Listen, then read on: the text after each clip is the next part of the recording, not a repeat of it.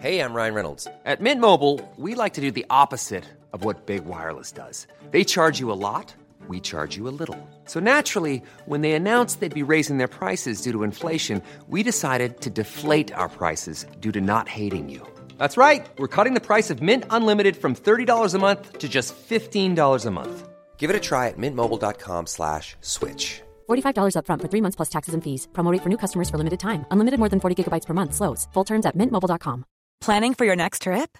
Elevate your travel style with Quince. Quince has all the jet setting essentials you'll want for your next getaway, like European linen, premium luggage options, buttery soft Italian leather bags, and so much more. And is all priced at 50 to 80% less than similar brands.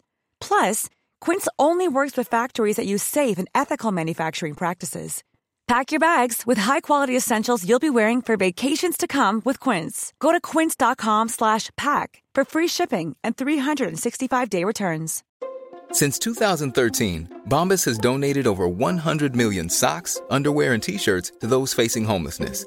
If we counted those on air, this ad would last over 1,157 days. But if we counted the time it takes to make a donation possible, it would take just a few clicks. Because every time you make a purchase, Bombas donates an item to someone who needs it. Go to bombas.com slash ACAST and use code ACAST for 20% off your first purchase. That's bombas.com slash ACAST, code ACAST.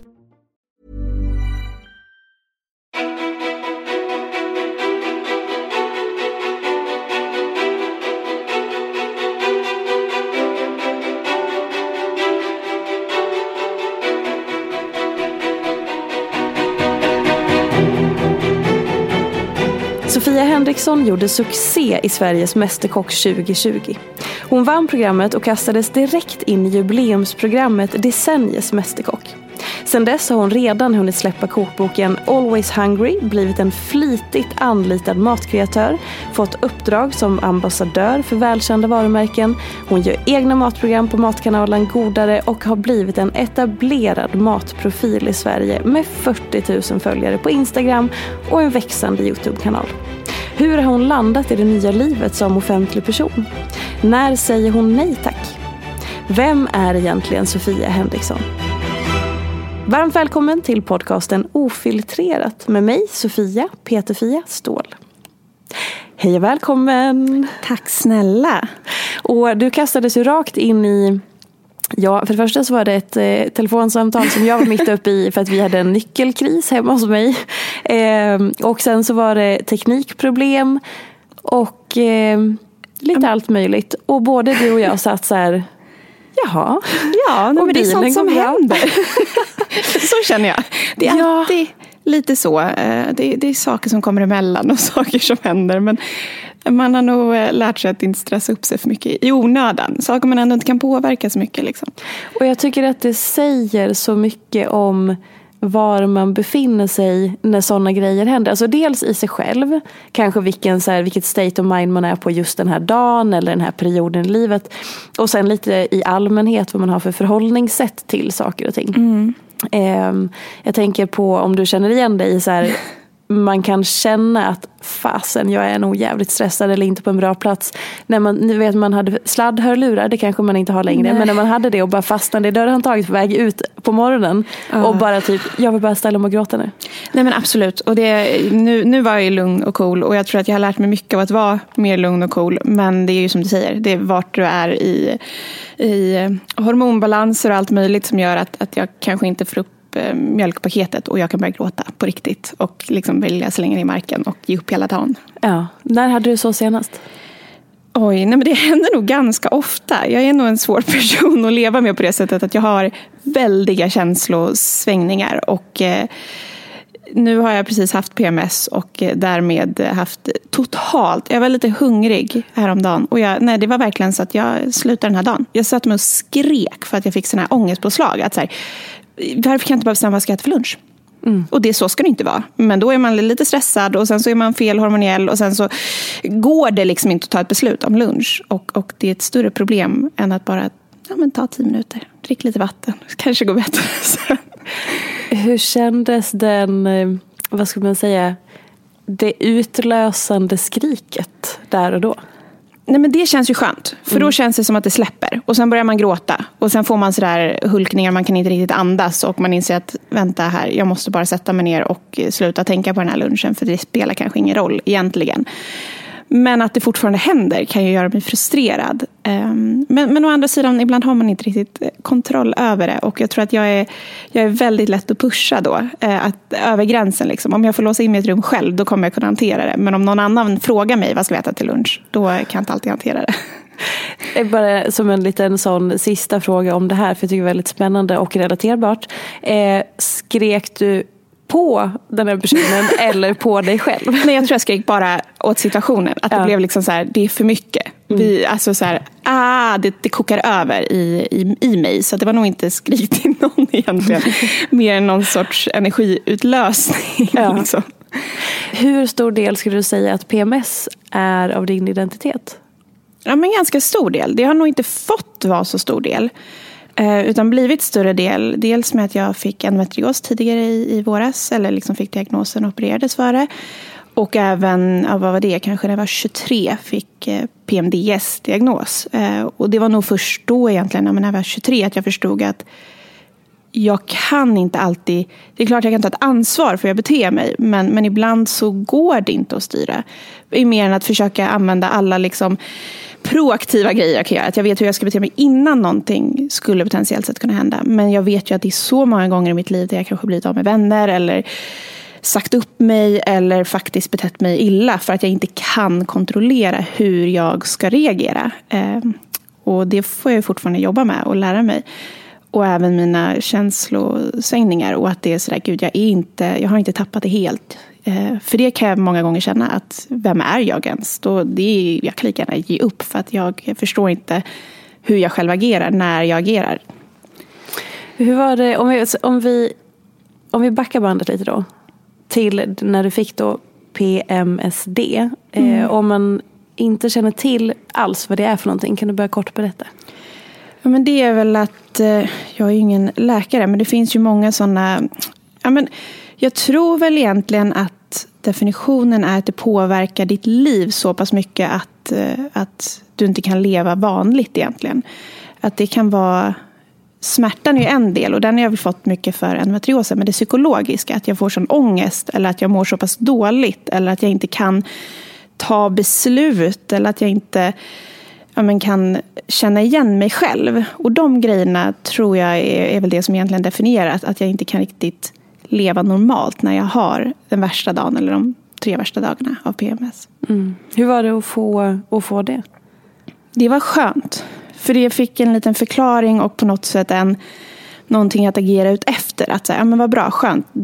På samma sätt som om du kanske får en astmadiagnos. Du kan ta astmamedicin och sen så kan du förhålla dig till det på det sättet. Att ja, det går inte att ta medicin men jo, man kan ju ta antidepressiva och det finns ju andra medicineringar för det. Men jag kan ändå förhålla mig till att, att se det på ett annat allvar. Att så här, I en situation där jag känner att nu kommer jag, nu känner jag redan nu att jag inte kommer kunna hantera det här på ett riktigt sätt. Så kan jag säga till min omgivning att förlåt, jag är alldeles för känslosam just nu. Och jag vet inte vad jag kommer säga och jag vet inte hur jag kommer bete mig. Är det okej att jag går iväg en halvtimme och kommer tillbaka? För att jag kan inte stå för det jag gör nu. Och det tas ju emot på olika sätt. Vissa köper inte. Vissa tycker att ja, men varför ska vi anpassa oss efter dig? Det, du har inte den... Ja, allting kan inte styras efter hur dina känslor är. Och det är kanske de som inte riktigt förstår. Medan de som förstår det kan ju faktiskt då ge mig en halvtimme, ge mig en timme. Och så kommer jag, eller en dag ibland när man bara har en sån mörk dag och ligger under täcket. Att jag kommer komma tillbaka och jag kommer kunna prata eller agera eller göra det som krävs av mig. Men inte där och då, just den sekunden. Det krävs för mycket styrka, tänker jag. Alltså i, i det att när man är där, att kunna vara så pass stark att man orkar, eh, alltså vad ska jag säga, bjuda in till det som ändå är väldigt privat, tänker jag.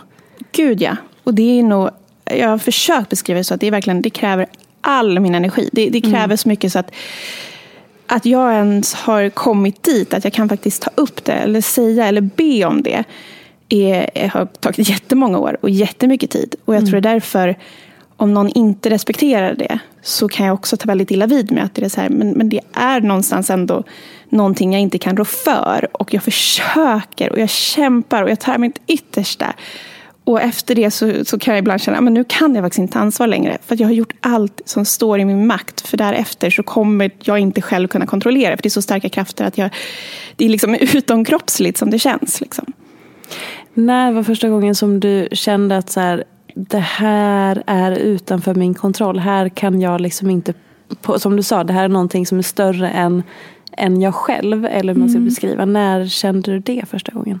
Oj, nej men jag tror inte det jag vet, och ibland vet man väl inte, man har ju ändå levt med det så pass länge. Och man har väl haft, eh, jag tror jag fick min mens när jag var 11, så någonstans där kan man väl ändå förstå att det kan ha lite hormonella påverkningar och annat kanske bara att man har ett temperament. För det tror jag också att jag har. Och det kan nog ibland vara svårt att veta vad som är vad.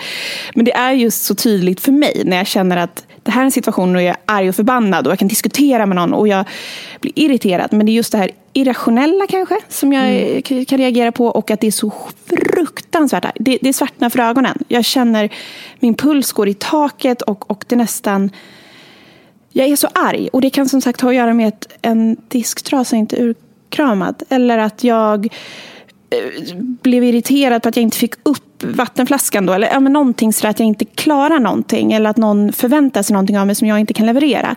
Och då tror jag, det, det var nog min mamma som har fått ta det. Alla mm. mammor där ute som får ta den första skiten. Ja. Eh, och då var det någonting. Hon kanske frågade mig om hur det har gått i skolan. Och jag kände att du har ingenting med det att göra. Och blev jättearg. Det var någon sån standardgrej att jag insåg att jag, jag kunde bli så arg. Jag kunde bli så arg på henne. För att hon brydde sig om mig egentligen. För hon hon fattade inte ens alls varför jag plötsligt gick i taket för att hon var intresserad av mitt liv. Typ. Alltså det är, jag tänker på det när Alltså, I alla de här samtalen som jag får ha med er som kommer och gästar eh, så är det så mycket som, man, som, som ni bjuder på i så här, vad man kämpar med inuti och kan, någon kommer med någon diagnos och berättar liksom hur det har varit och liksom olika insikter och kriser och livsomvälvande saker. Och så tänker jag också så här, hur svårt det är att, som du säger, reda ut och bena ut vad är vad. Ja. För att vissa saker är ju livet, vissa saker är att vara människa, vissa saker behöver man få och söka hjälp med. Mm. Eller för. Ehm, och så här, fan alltså vad alla kämpar på och att, och att hitta de där grejerna som gör att så här, vänta nu, det här är typ eh, vanligt eller normalt eller det här tillhör det här och det här. Så det kan jag förvänta mig typ av mm. min mens eller min PMS-period. Men här, vänta nu, det här är nog faktiskt inte som det ska vara. Så här behöver jag förstå ja. att jag ska ta det här vidare. Det kan vara så jävla svårt. Det är jättesvårt och oftast så triggar de ju varann. Eller ja. det, det, det kommer inte hjälpa PMS om du är i en period där du är väldigt stressad eller nära utmattning eller att du mår dåligt av någonting annat i livet. Eller, alltså, sorg. Det finns så mycket som liksom triggar varann och det är ju jättesvårt att nysta ut vad är någonting som du säger som man ska ta vidare och faktiskt ta tag i och du kan påverka och vad är som du kanske inte kan påverka lika mycket i alla fall för att det kommer Exakt. alltid vara en del av det. Liksom. Och sen så då, sa du i våras så fick du diagnosen endometrios. Mm. Det är också något av det som jag har fått mest efterfrågan av människor är att snälla ta upp det här ämnet. Du som har liksom en profil av hälsa, välmående, mm. snälla, snälla prata mer om det här. Varenda gång som, som det förekommer i något forum. Men jag har inga egna erfarenheter så jag känner att jag har ingenting att säga för jag, jag kan inte, eh, jag vet ju inte.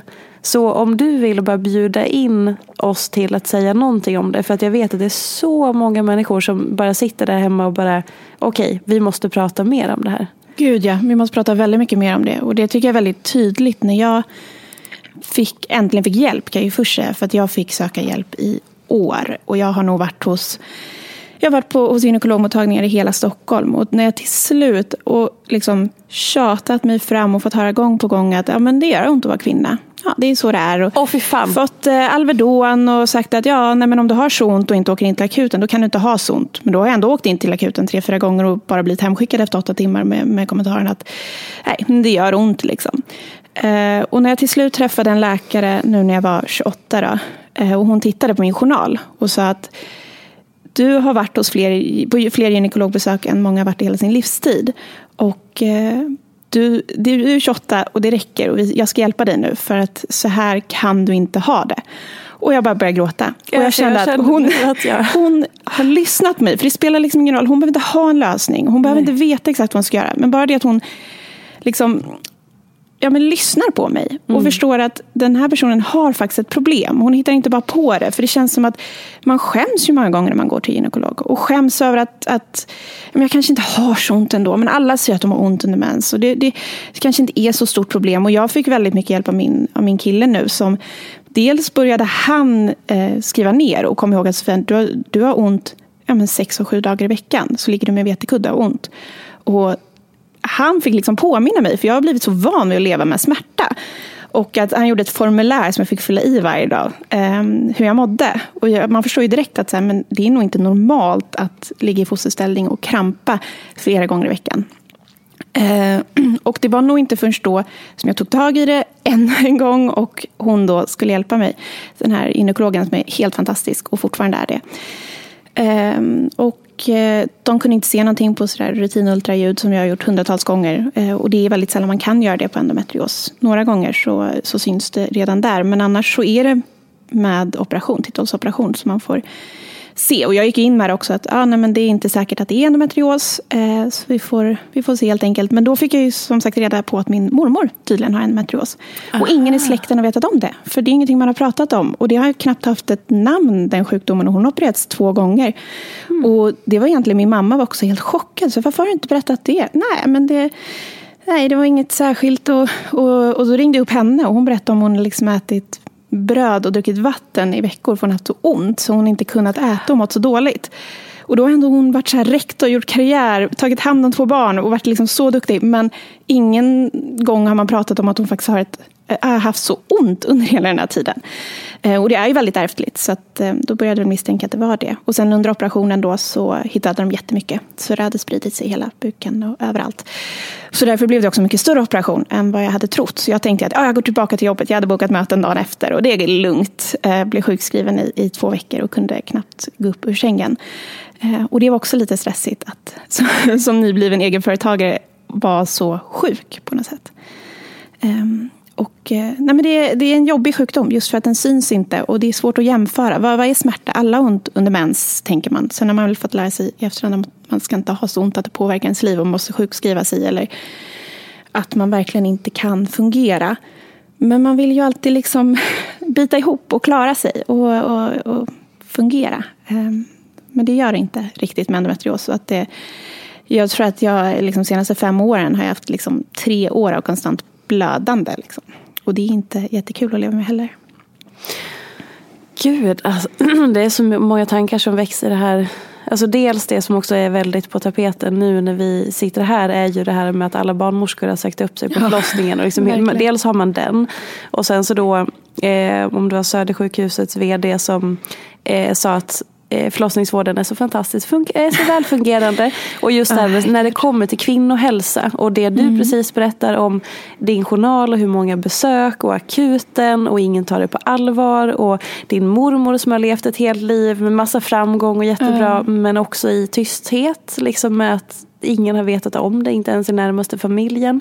Man så här, Fan vad det måste räcka nu. Ja. Man är så fruktansvärt trött. Och så just det att säga, men som kvinna ska det ju ont. Det är ont ja. att vara kvinna, punkt slut. Nej men det är, det är verkligen, det får alla någon gång höra, mm. känns det som, som kvinna. Att det, det är så att vara kvinna. Alltså man blir så provocerad. Okej, om vi bara börjar. Från den som aldrig, eller för den som kanske aldrig har hört någonting om vad detta är. Mm. Vad, vad betyder endometrios? Gud, nu ska jag se, jag är ju ingen läkare nej, så nej, jag kommer få skit. Men nej, men alltså är, bara för att man ska ja, ha en förståelse. Men jag, som jag har förstått det i alla fall så är det livmoderslemhinna som vandrar när du har eh, mens. Ofta så tror jag det är då den kan vandra för då blöder du så att då rör sig slemhinnan på något sätt. Och sen kan den fästa på andra ställen i kroppen. Så den kan fästa på bukväggen eller jag tror att jag hörde någon gång att den kan sätta sig uppe på lungan till och med. Men ofta sätter den sig kanske på livmodern eh, och det är ju då ofta man kan få problem med att föda barn i framtiden till exempel. Den kan sätta sig på urinröret, den kan sätta sig ja, men, överallt i magen helt enkelt. Och sen varje gång du blöder så reagerar den med livmodern. Så det kommer blöda på alla de här ställena. Det kommer krampa på alla de här ställena där livmoderslemhinnan har vandrat. Eh, mm. Så att det kan ju, ja, dels beror det på, har du kanske i ung ålder börjat ta preventivmedel som gör att du inte får mens så kommer endometrios inte kunna spridas så mycket för att du inte får, du har inte en vanlig menscykel och därför så sprids inte endometriosen och du har kanske inte lika mycket problem. Men om du har haft mens så många, jag tror att man säger, det är ganska hög ålder som folk diagnostiseras med endometrios och det är ju många gånger kanske inte för du föds egentligen med det, eh, det är mer för att de, det är så sent man kommer på det. Eh, och att det har blivit så pass illa då. Att det har spridit sig så pass mycket och eh, det påverkar så pass mycket. Att det blir värre och värre. Liksom. Gud. Alltså det är också så här, man inser, eller man, jag inser också hur hur lite man, alltså att så här, vissa saker har man någon så här flyktebild av och bara all den informationen du gav nu var helt ny för mig. Och det här är ändå någonting som jag upplever att jag ändå har så här, ja, men sett ibland, någon har hört folk prata om lite då och då. Mm. Framför allt då som sagt i en vädjan att vi måste prata mer. Men, men eh, du får rätta mig om jag har fel här, men pratar man inte ofta om att, att det påverkar sexlivet i att man kan få jo. mycket smärta? Och det pratas det väl om en del? Ja, eller? man kan få smärta och framför allt smärta efter samlag. Är Just det. Och, och jag vet inte riktigt exakt vad det beror på. Eh, men, men det är ju en av symptomen att du har endometrios. Men det är faktiskt en bra fråga. Jag är också ja. ny på I och med att jag är ganska nydiagnostiserad så har jag, jag bara liksom försökt ja, men lyssna på poddar eller ta åt mig information. För det finns inte jättemycket information. Och det finns inte jättemycket anledningar till varför heller. Jag lyssnade på någon eh, podd nu med en gynekolog som pratade. Och det har inte forskats på endometrios. Man vet inte riktigt varför och hur och hur man ska behandla. Och mm. Det är ju en hel, eh, finns en jätteduktig, eh, eller en stor Instagram har en gynekolog som heter endometriosdoktorn. Och hon är otrolig på att sprida information. Och eh, försöker göra sitt bästa. Men herregud vad hon kämpar. Och mm. eh, det är ju svårt. Jag menar nu, jag har hittat en medicin som funkar för mig. Och den är inte ens på högkostnadsskydd. Så den kostar en förmögenhet för mig. Men man kan få pollenmedicin på högkostnadsskydd. Och det är just för att det är en kvinnosjukdom. Och att det, det inte liksom tas på allvar. Mm. Så det, det är så frustrerande att kämpa och kriga och så har man levt med ett helt liv och sen så när man väl får någon sorts hjälp av någon som lyssnar så får man liksom inte hjälp ännu högre upp i politisk led som styr liksom. Om man kan få på högkostnadsskydd. Mm. Ja, hörni. jag börjar så sitta så tänker jag också på så här, aha, ska jag hem till min dotter sen och hon ska ut i den här världen. Ja. Och liksom, ja. Nej, men det är så mycket som vi måste lyfta och prata mm. mer om. Och inte kanske... Jag tycker vi kommer framåt. Det går framåt. Men, eh, men det går lite för långsamt ibland. Eh, och det är för mycket okunskap. Mm. Hur eh, har ditt liv liksom förändrats av att du fick den här hjälpen från den här fantastiska gynekologen? Nej, men det har förändrats mycket. Dels rent fysiskt, att jag har fått opereras och, och så. Men det har förändrats jättemycket att jag inte har lika mycket ont. Mm. Att, att leva ett liv utan att ha så ont i magen eh, är, nej, men det är, så, det är så skönt. Det är så skönt. Och att inte, att inte blöda konstant också. Att, mm. ja, men man kan tänka sig, ja det är jobbigt att ha mens. Men när man har haft det i hundra år som det känns. Utan att det finns ett uppehåll då är man rätt trött på det. Allt ifrån att så här, måste tänka sig hela tiden för vad man har på sig för någonting. Ja, men, jag har köpt så många tamponger och binder i mina dagar så att det är helt galet. Och, eh, och sådana praktiska grejer som jag... Jag var så lycklig första gången jag kunde ha vita jeans på mig nu i somras. Och bara, herregud, jag har vita jeans. Jag har inte haft det på så många år. För jag har inte vågat. Eller att man tänker hela tiden när man sitter. Jag har alltid satt mig på så knä när jag varit hemma hos kompisar i soffan. För att jag tänkte, tänk om det blöder igenom. Då vill jag sitta på knä så att jag inte blöder ner i deras soffa. Alltid kollat mig efter på bussen. Och det är så dumma grejer. Men det, det, man måste ju leva med det. För att det är faktiskt en möjlighet. Eller en risk kanske man kan säga. Eh, och det, att jag inte lever med det längre. Men jag är ändå varje morgon när jag vaknar så tänker jag på att yes, jag blöder inte. Yes. Mm. För att det har varit så stor del av mitt liv. Gud vad jag blir berörd av det här. Alltså det är fruktansvärt att man ska behöva leva så. Mm. Och, och, det är helt, att man söker hjälp och folk tycker att nej, men det är helt normalt. Ja, alltså det, men det går inte ens att ta in. Alltså det går inte ens att förstå att vården bemöter en på det sättet. Men vad då tycker du att det är normalt att du blöder varje dag? Ja, nej, men så kan det vara ibland i perioder. Och så säger man, jag har ju ett helt år, eh, två år. Nej, men vi testar. Ehm, jag får inte heller ta p-piller för att jag har migrän med aura. Så att jag har till ett ytterligare problem, vilket komplicerar endometriosdiagnosen.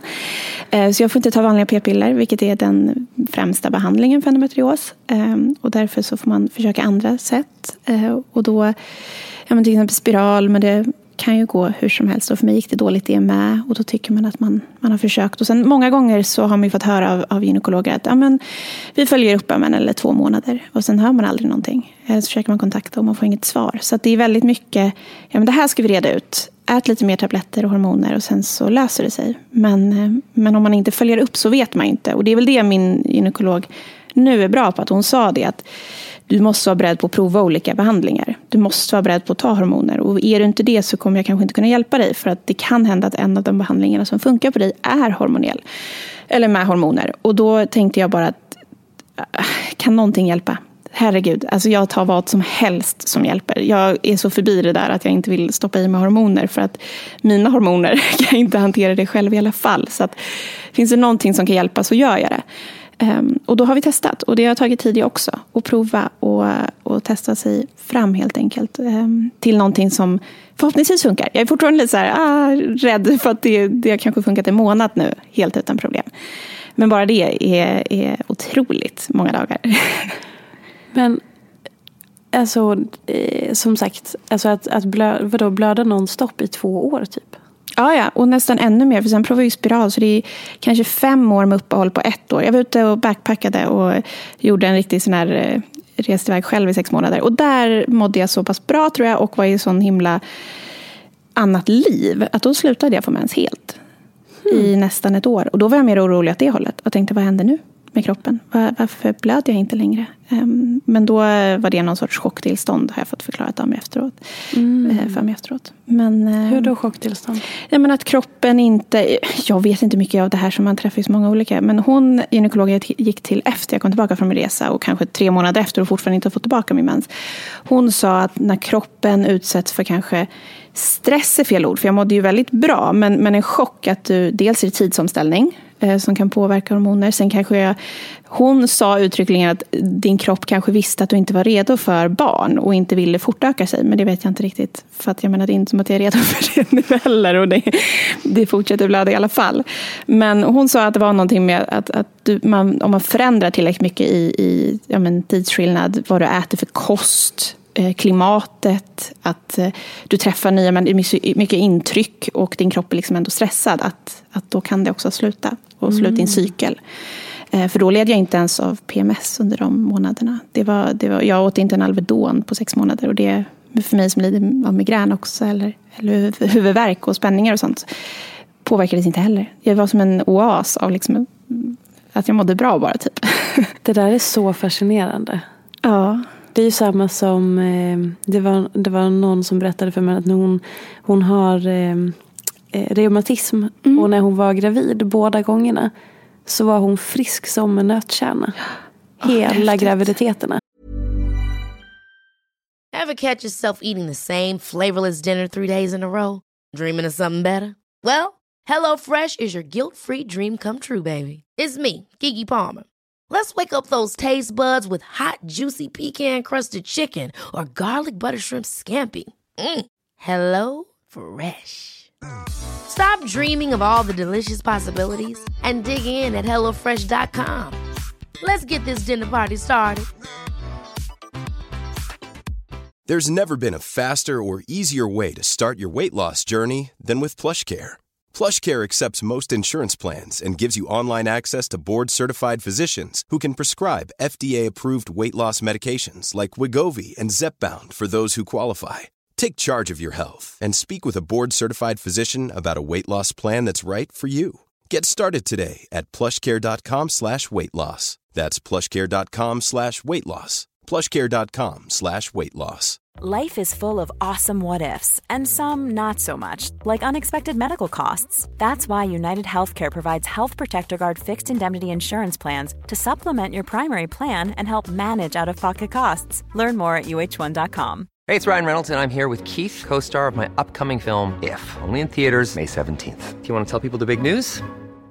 All right, I'll do. it. Sign up now and you'll get unlimited for $15 a month in six months of Paramount Plus Essential Plan on us. Mintmobile.com slash switch. Upfront payment of $45 equivalent to $15 per month. Unlimited over 40 gigabytes per month. Face lower speeds. Videos at 480p. Active Mint customers by 531.24 get six months of Paramount Plus Essential Plan. Auto renews after six months. Offer ends May 31st, 2024. Separate Paramount Plus registration required. Terms and conditions apply if rated PG. Men annars, alltså direkt barnen var ute så var det exakt samma. Hon, hon har jättemycket smärta, alltså Mm. fruktansvärd. Eh, men ju, alltså att kroppen ibland så här, så. Den går in i Nej. något viloläge. Nej, det är så fascinerande. Och då är det också intressant i så här, om, du- om, om, du, om vi ska göra en liten, eller du snarare, gör en liten analys av så här, vad händer om vi tänker att kropp och själ och alltihopa hänger ihop. Vad händer med dig, kanske emotionellt, känslomässigt, själsligt, tror du, där och då när du stack iväg? Var, alltså som att du typ blev befriad från någonting? Eller vad, hur? Jättemycket. Det är verkligen... Någon kan, jag vet, jag fick frågan när jag kom hem att så, här, Åh, har du hittat dig själv nu? När man har varit ute och rest. Och så tänkte jag skrattade bara nej. Jo, fast någonstans så är det så. Det, det finns ett före och efter den resan. Det finns en, ja, men min person och jag har vuxit enormt mycket och jag har ett helt annat sätt att se på livet och jag är nog helt annorlunda. För det hände så mycket. Jag var verkligen en annan person på många sätt. Eller gick tillbaka kanske till mer hur jag var när jag var ännu yngre, skulle jag snarare säga. Eh, så det, det fanns verkligen före och efter den resan och under den resan Ja, men som vi pratade om i början, det här med att man har kort stubin eller är stressad. Att jag vet första stället när jag skulle åka, jag hade varit borta i kanske en månad och sen skulle jag ta en buss från en stad till en annan i Costa Rica. Och jag var lite sent ute, fick hoppa in i en taxi, märkte snabbt att jag kommer inte hinna till bussen. Och började gråta i baksätet. Och han taxichauffören blev så stressad och jag sa det, men det är inte ditt fel, det är liksom trafik, men, men jag, jag vet inte vad jag ska göra. Så jag var så stressad och jag bara grät och kände att nu, nu jag klarar inte det här. Vad ska jag göra? Hur ska jag hantera det här? Um, men sen så inser man ju när man kommer till busshållplatsen att det kommer gå en ny buss. Jag satte mig på ett ställe och tog en kaffe. Du började prata med en, en person som sen blev min vän. uh, slutade med att jag åkte till en helt annan destination än vad jag hade tänkt. Eh, och det blev så bra. Och det var där någonstans under den resan också jag förstod att jag bara tar det som det kommer. Allting löser sig. Det kommer ordna sig. Och så, det tar man med sig så mycket i vardagen här också. Att, men vad spelar det för roll? Påverkar det här någonting egentligen? Och, och många gånger, ja men absolut, det kanske gör det. Och andra gånger att nej men det kanske bara föds någonting annat ut av det. Liksom. är alltså jag som är eh, mm, flummig av mig. När, som nu om vi backar tillbaka till början av vårt avsnitt när tekniken inte funkade. Ja. Och så hände allt det här och jag noterade hur att du reagerade på det sättet du gjorde, ställde de här frågorna och vi ledde in hela vårt samtal som gjorde och hamnade nu här. Ja. Jag är så här, det var meningen. Det var meningen.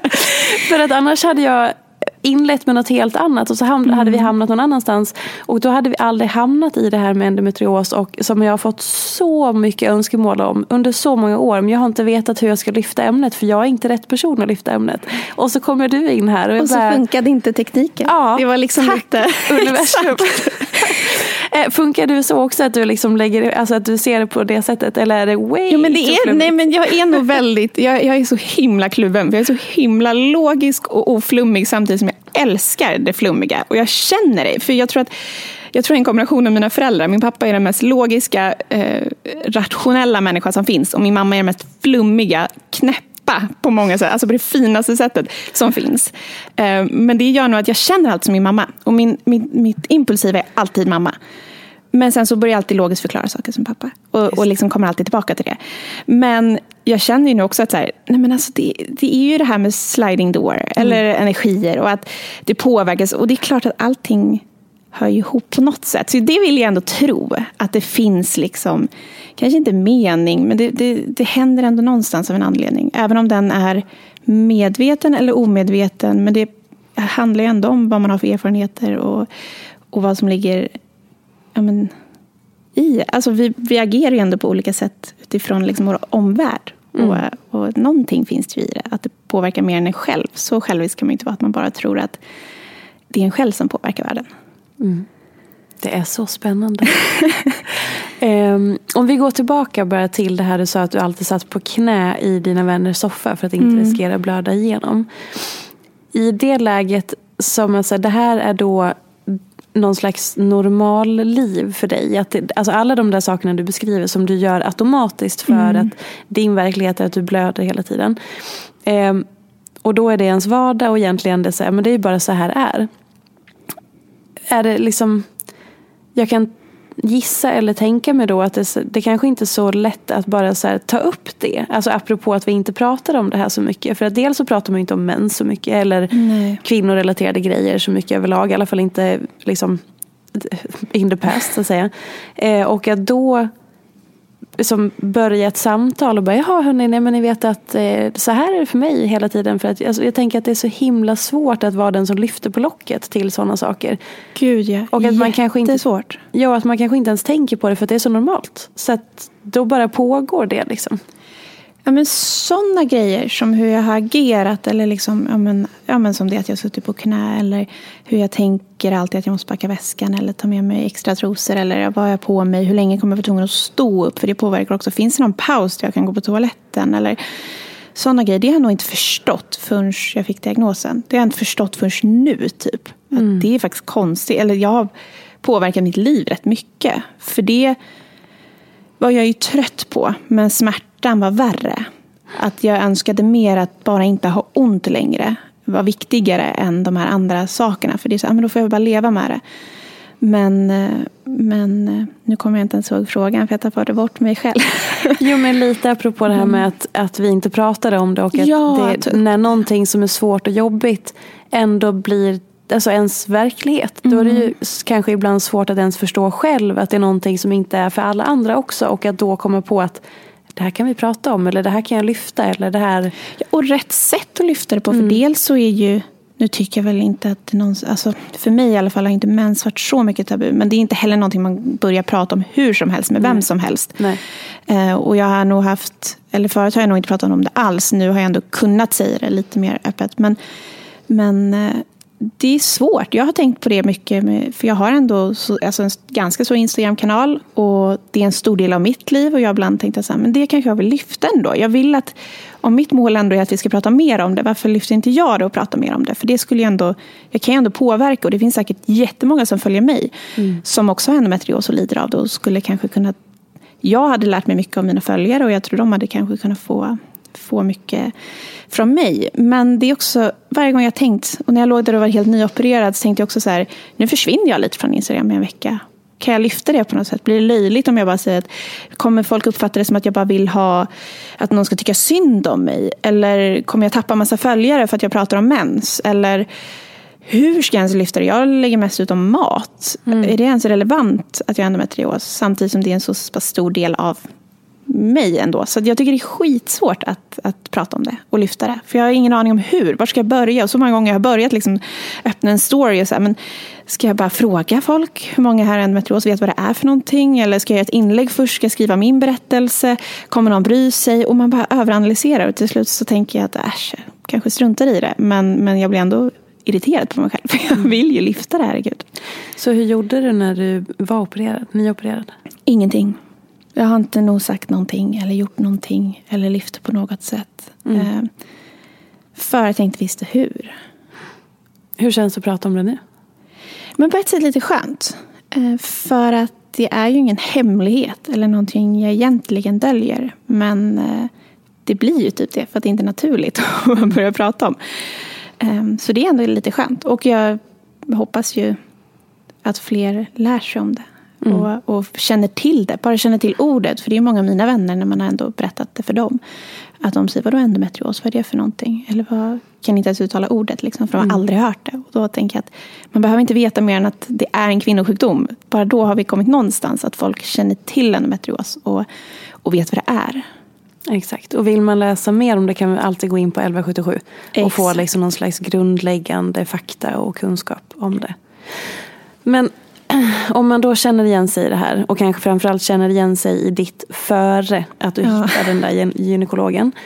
Eh, finns det någonting du kan tipsa om? Eller som så här, hur orkar man fortsätta söka den där hjälpen som man inte får? Alltså jag vet inte. Jag vet inte ens själv hur jag... Jo, det var nog min kille när vi träffades så att han fick mig att göra det till slut. För jag tror någon annan behöver, och det kan väl jag hjälpa till med i så fall, att söka hjälp, fortsätt söka hjälp. Och det är så fruktansvärt tråkigt att höra. Och jag mm. var så less på det, för det är, det är så lätt för någon att säga, sök hjälp. Mm. Eller men testa en gång till. Ja, men jag har testat så många gånger att du förstår inte. Och det är så pinsamt att sitta där. Och det känns så jobbigt att prata om hur ska, man blir lite så här, men är så ont kanske inte är. Och så blir man ändå bara ja, men inte skrattad åt, men väldigt bortviftad. Att så här, nej, men det är ingenting. Det du känner är ingenting. Och man bara försöker och försöker och till slut börjar man ju tro på det. Att så, men det jag känner kanske är någonting. Mm. Eh, men att fortsätta att ta sig själv på allvar och att veta att man ska inte må så dåligt. Absolut, du kan ha lite ont av att du har mens, antar jag. Men du ska inte ha så ont att du inte kan gå upp ur sängen. Eller att det krampar. Eller att du inte kan andas liksom, för att det gör så ont. Det, det, ska du inte ha. Du ska nog inte ha ont så att du bara ens eh, eh lite krampar. Du ska inte ha ont helt enkelt. Då ska man få hjälp och då får man bara fortsätta tills man hittar rätt. Och det är jättesvårt. Och köerna i Stockholm och hitta, få gynekologtider är galna. Och jag har ju ringt så många gånger och gråtit till så många gynekologmottagningar. Och de har sagt nej, det går inte, det går inte, det går inte. Men till slut så har man ju bara fått säga att nej, men jag har så ont så att jag inte kan fortsätta leva. Då säger de, ja, men gå och åk till gynmottagningen, eller akuten. Så åker man dit och där får man oftast ännu sämre hjälp tycker jag, i min erfarenhet i alla fall. Så att jag har bara tjatat, jag har bara legat på och bara fortsatt och fortsatt och fortsatt. Och eh, eh till slut fick jag hjälp. Vilket är, jag är jättetacksam för. För jag hade ju lika gärna kunnat inte få hjälp den gången och gett upp helt. Och fortsatt haft så ont. Så jag är bara jätteglad att hon min läkare finns. Alltså att man ska behöva, förlåt, så här, att man ska behöva lyssna på den här skiten. Förstår Nej. du vad jag menar med det? Alltså, det ska inte få gå till på det här sättet. Nej. Det här ska inte vara en del av din historia.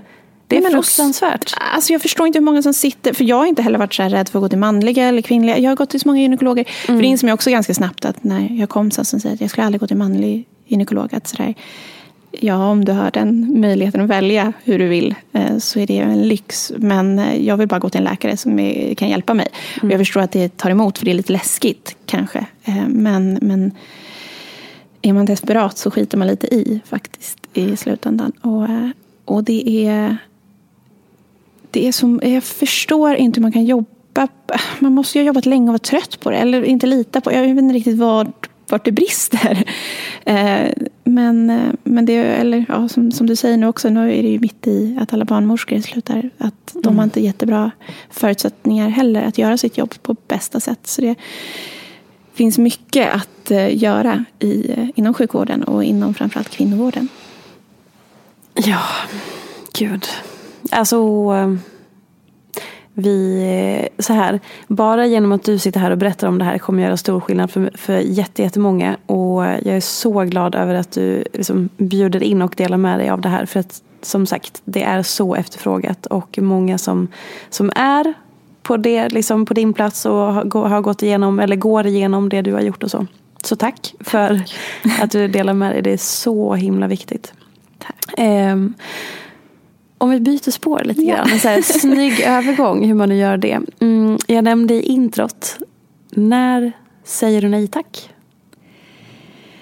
Och jag vill så gärna säga att jag är så bra på att säga nej. För att jag har liksom jobbat hela mitt liv på, på det. Och jag är nog jättebra på att säga nej. Men bara till saker som jag inte gillar så mycket. Och nu när jag inser att jag jobbar med någonting där jag älskar varje sekund av det. Så är jag ganska dålig på att säga nej. Jag är nog dålig på...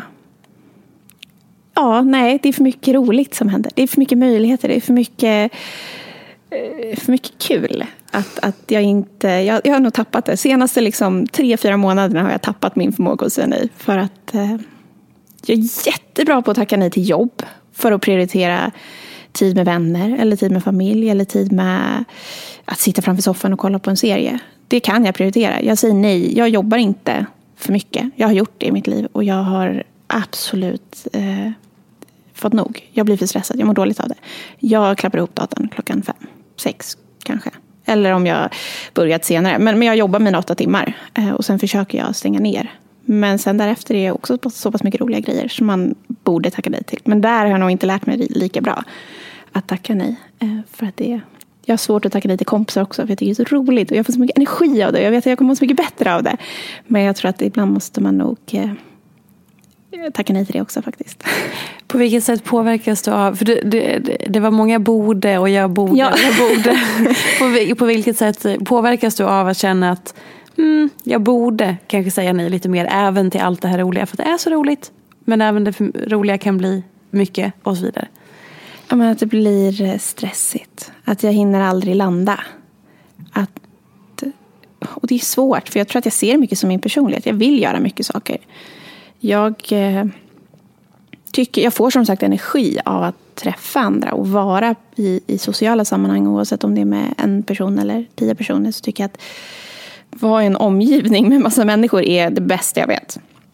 Och jag vet att jag kommer må bäst av det och få minst... Eh, jag, jag tycker nog att det känns lite fult att säga, men jag tycker inte om att vara själv. Och det är många som säger så, ah, men du måste lära dig vara själv. Ja, men absolut. Jag har rest runt hela jorden ensam. Jag kan vara ensam eller själv. Men jag tycker det är skittråkigt. Så jag vill inte vara det. Och jag kan gråta ner. Det räcker med en dag och jag är hemma själv. Och jag kommer liksom inte ens riktigt veta vad som är upp och ner. Och jag kommer bli sådär, ja nu jag kanske är värdelös människa. Och så går jag runt och så blir jag liksom negativ och destruktiv. Och sen så känner jag bara att jag behöver gå ut. Och så räcker med att jag går utanför dörren, ser två människor. Och så, nej men det här är ganska bra ändå. Jag mår nog ganska okej. Det, livet är, är bra. Men, men så fort jag är själv så blir det sådär, äsch. Det här är lite tråkigt. Hur tror du att det hänger ihop då? Eller vad är det, vad är det ditt system egentligen säger till dig i det? Jag har ingen aning. Jag vet inte. för att det är alltid så mycket bättre känns i samhället. Att man ska, det är lite finare att vara introvert. Eller det är lite finare att vara, tycka, tycka om egen tid. Eller ta del av sig själv. Men, men jag gillar inte det. Och då känner jag att det, det är fult. För att på samma sätt som någon som gillar filmer som är väldigt eh, bättre rent objektivt, eller så här pretentiöst, bättre manus så kanske jag tycker om ibland en film som är jättedåligt manus och jättedåliga skådespelare för att den är feelgood. Eller, eller bara sådär jag mår bra av den här filmen. Den kanske inte är lika fin, men, men det är någonting mer för mig. Eh, men jag vet inte, eller så är jag bara osäker och inte har hittat mig själv än. Jag har ingen aning. men i så fall så får jag väl jobba mer på det. Men jag gillar, jag gillar att jag mår bra av att vara i andra människors närhet. Kommer man någonsin hitta sig själv, liksom, nu har jag hittat mig själv, punkt. Nej. Så att man är typ klar. Så, det här var jag. och så checkar man in sig själv i någon låda och börjar ah, luta sig tillbaka. Nu har jag hittat mig själv. Kanske när man är, när jag var tolv. Herregud, jag visste allt oh. om livet. Då, då hade jag det där. The good jag hade days. hittat mig själv. Jag visste svaren på alla frågor. Men, men sen dess så går det nog bara ut för jag tror inte man kan hitta sig själv helt. Eller går det ut för verkligen? Nej, det är sant. Det kanske bara går upp och uppåt. ja, men jag tänker, alltså, för någonting som jag alltid får, alltså, får eh, människor säger alltid och ofta förknippat då kanske till att jag vill uppleva balans i och med att jag jobbar mycket med hälsa. Mm. Eh, jag vill ha balans i livet eller jag vill må bra eller jag vill hitta en träningsrutin som är liksom håller. Och då, eller så här, personlig utveckling. Jag vill hitta mig själv. Då är det som att det är någonting som man ska sätta check på. Ja, Inte absolut. någonting som fortsätter att utvecklas med livet och att man liksom följer med. Utan att man tänker att balans, då, ska det, då, då måste jag hitta den magiska formen och sen kan jag checka av det. Då har man klarat någonting. Ja. Det är någon specifik liksom, uppgift. Exakt, och det, för mig är det så här, och det har, så har jag också varit. Mm. Men, men när jag landade i att, men gud vad skönt, jag kommer aldrig bli klar. Och det är Nej. det som är det, tjusningen i, i allt. Liksom. Det är så befriande. Nej, men jag tror också det. Och det är så många som vill hitta en mening eller vill sådär, ja, men jag vet inte vad jag ska göra och då är det någonting dåligt. Mm. Men eh, jag tror min mamma sa det till mig för något år sedan när jag var lite vilsen också. Att hon är liksom, jag vet inte vad hon är nu, 59 kanske. Eh, hon vet fortfarande inte vad hon vill göra i livet. Mm. Men hon är underbar i alla fall. För när hon var 55 började hon läsa till yogalärare. Liksom, eller hon eh, hitta på alla möjliga saker. Hon kan, man kan ringa henne och plötsligt har hon fått för sig att hon ska lära sig sticka bättre eller göra surdegsbröd. Hon flyttar, hon reser runt jorden. Hon, det finns liksom inga gränser. Eh, och det tror jag är lite bra, att jag har haft den uppväxten. Att Det spelar ingen roll om hon är 55 och bestämmer sig att hon ska bli yogalärare. Och så kan jag och mina bröder skratta lite åt henne för att hon är som hon är. Men det är jättefint och det är någonting jag beundrar väldigt mycket. Att det inte finns någon, du är inte klar, som du sa, det, du är inte klar för att hon har liksom haft den karriären eller pluggat den grejen eller gjort det. Att sådär, nej, man kan byta riktning hela tiden. Du kan välja att göra någonting annat när som helst. Och det, det är lite fint. Ja, för det är väl också det som är livet, tänker jag.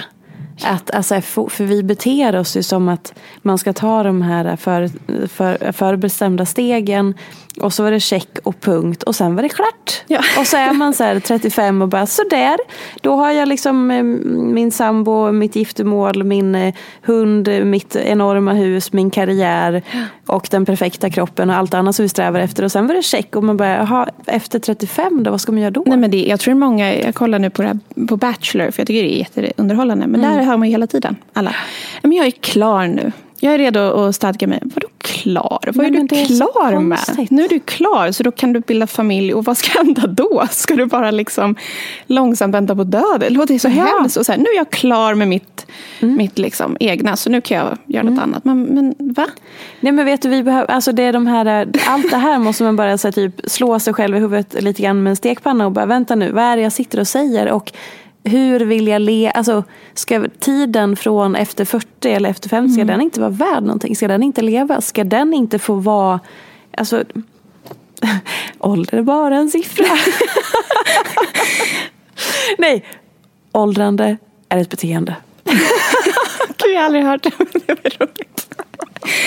Nej, men det, för, alltså, det, det, ja, exakt, men så lever ju många. Eller att det liksom Ja. är, ja nej men som när folk också ibland i min omgivning får barn och säger, men vi kan resa när, när barnen tar studenten. Nej men snälla Jag får någon. panik. Det är så här, men det, bara, det, Ja. lev hela tiden och sen så får det liksom eh, allt. Det, allting kommer ju hända men du är inte klar någonsin eller ska sluta eller färdig eller jag vet inte sjutton. Det, det blir så svårt. Jag har också haft svårt när folk frågar så där, vad, vad ser du själv om tio år, om fem år? Så, för att jag har ingen plan. Det finns ingen idé.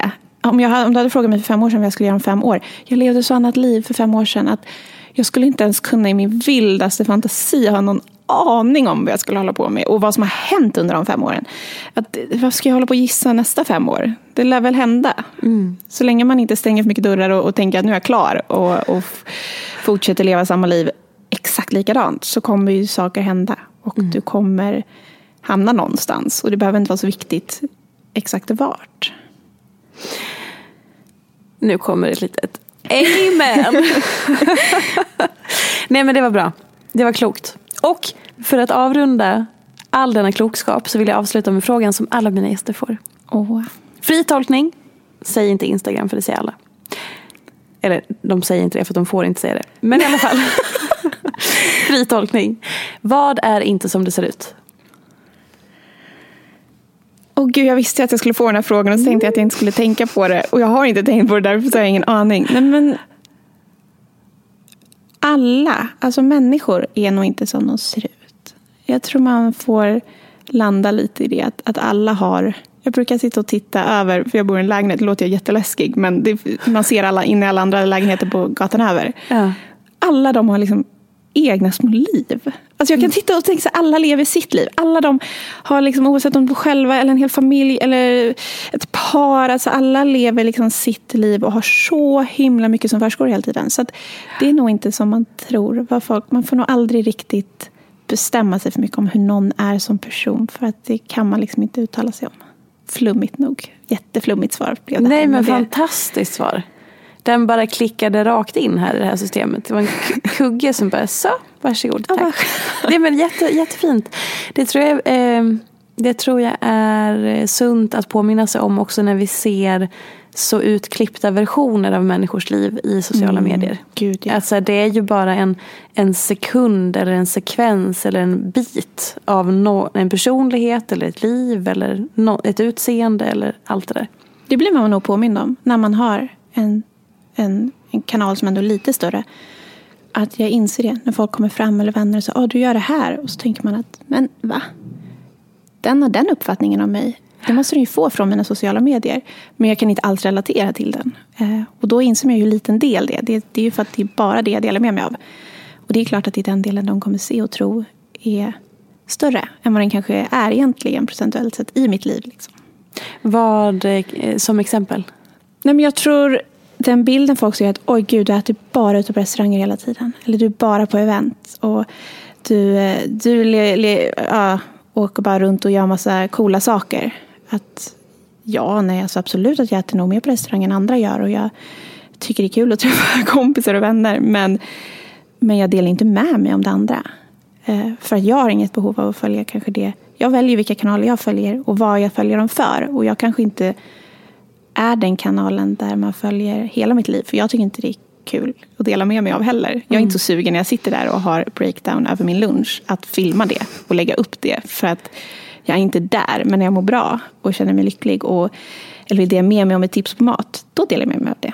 Men, eh, men en liten del av det kanske man skulle kunna ta med sig, typ endometrios eller, eller viktiga frågor som man faktiskt bryr sig om.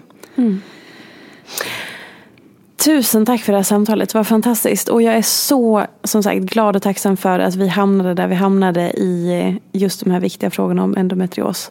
Eh, berätta nu, var kan man följa dig och vad vill du liksom nämna att vi ska titta och följa och allt det där? Mm, nej men det är väl min Instagram som är störst. Som är Sofia N opedagogiskt nog, som Nora.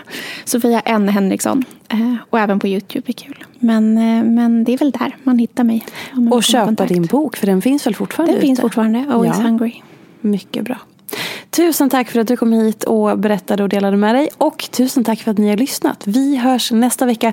Och snälla ni, prenumerera på podden. Och det här, eftersom det här blev endometriosavsnittet. Ja. Snälla sprid det till människor som kanske är i den här situationen, som ni vet går med det här i tysthet. Eller som bara så här kan behöva höra det här. För och fortsätt att det, sök hjälp. Ja, för det kommer nog göra stor skillnad. Så tusen tack för att ni har lyssnat. Vi hörs nästa vecka. Hej då! Hej då! Följ mig gärna i sociala medier. Jag finns på Instagram som peterfia och bloggar på peterfia.se. Jag blir så glad om du vill recensera den här podden, prenumerera och lämna gärna önskemål på gäster. Vi ses i sociala medier. Ha det gott så länge. Hej då! Hey, it's Paige DeSorbo from Giggly Squad. High quality fashion without the price tag. Say hello to Quince. I'm snagging high-end essentials like cozy cashmere sweaters, sleek leather jackets, fine jewelry, and so much more. With Quince being 50 to 80% less than similar brands. And they partner with factories that prioritize safe, ethical, and responsible manufacturing. I love that. Luxury quality within reach. Go to quince.com slash style to get free shipping and 365-day returns on your next order. quince.com slash style. Mom deserves the best, and there's no better place to shop for Mother's Day than Whole Foods Market. They're your destination for unbeatable savings, from premium gifts to show-stopping flowers and irresistible desserts. Start by saving 33% with Prime on all body care and candles. Then get a 15-stem bunch of tulips for just $9.99 each with Prime. Round out Mom's menu with festive rosé, irresistible berry chantilly cake, and more special treats. Come celebrate Mother's Day at Whole Foods Market. En podd från Allermedia.